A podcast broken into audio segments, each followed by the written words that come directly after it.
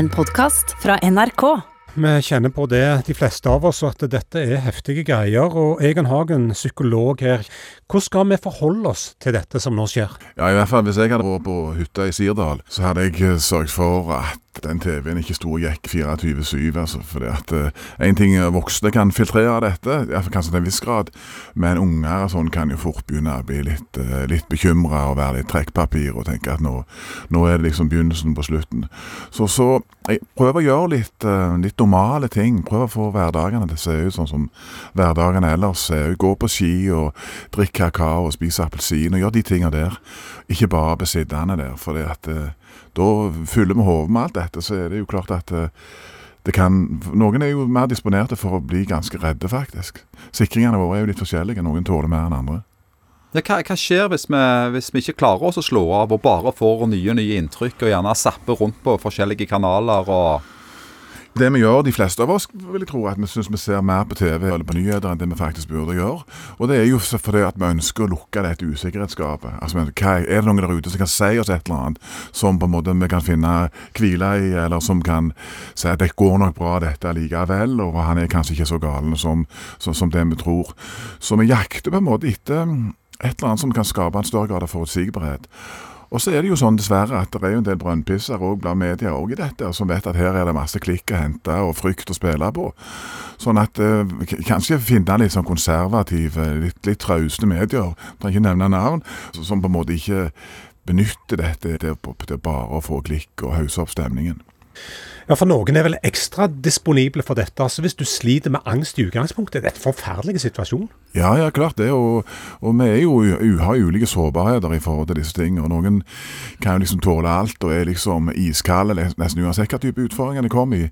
Mens andre fortere får en veldig sånn sympatikus eller sånn fight or flight-følelse. Altså, nå er liksom dette begynnelsen på de siste dagene, og, og vi er jo nabo med en eller annen fyr som virker ganske ute å kjøre, for å si det forsiktig. Og så er det noe med at kanskje lyst til å si det òg, at dette er kjipe tider for noen enhver, altså, nesten uansett hvor hardt du er skrudd sammen. Altså, Krigstrussel i Europa, altså, det, det, det, er ikke bra. Og det, Dette er ikke en god tid for oss. Sant? Og Nå var vi kanskje litt trøtte noen enhver med korona og alt dette, og så ikke før liksom, man liksom dunka inn en tredje sprøyte, og så, så begynner de å vase liksom med angrepskrig i Europa. Så, sånn at dette er dårlige tider, og, vi kan ikke psykobable det vekk. altså.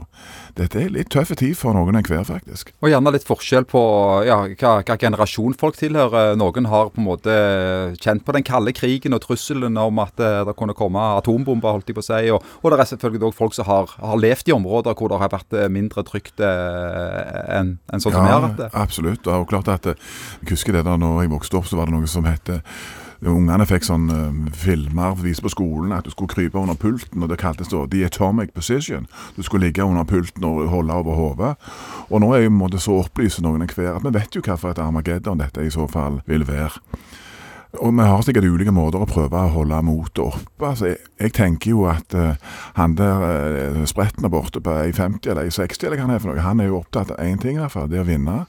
Og en sånn atomkrig er det jo ingen som vinner. Så kanskje kan vi finne litt sånn eh, rasjonell støtte der en plass. Men rett og slett koble av innimellom og tenke på andre ting, gjøre andre ting? Absolutt de tingene der. Prøve å lage Det er mye trøst i den alminnelige hverdagen. Og det sa vi òg i forhold til koronaen. Prøv liksom å, å, holde i alt det der vanegreiene. Og det tror jeg òg er viktig i forhold til dette. Og så er det jo når sendeflaten er 24-7 hele veien, så ha et litt bevisst forhold til at du Det er noe med det du fyller hodet med. altså Det blir, det blir hjertet ditt òg litt fullt av. Så få med deg det som er det substansielle, gjerne, som du, som du føler, og så skru av. Vi trenger å være litt sånn redaktører i forhold til hva vi eksponerer oss for òg. At det kan bli græla tungt altså, hvis vi skal stå eh, hele døgnet og ta imot dette. Du har hørt en podkast fra NRK. Hør flere podkaster og din favorittkanal i appen NRK Radio.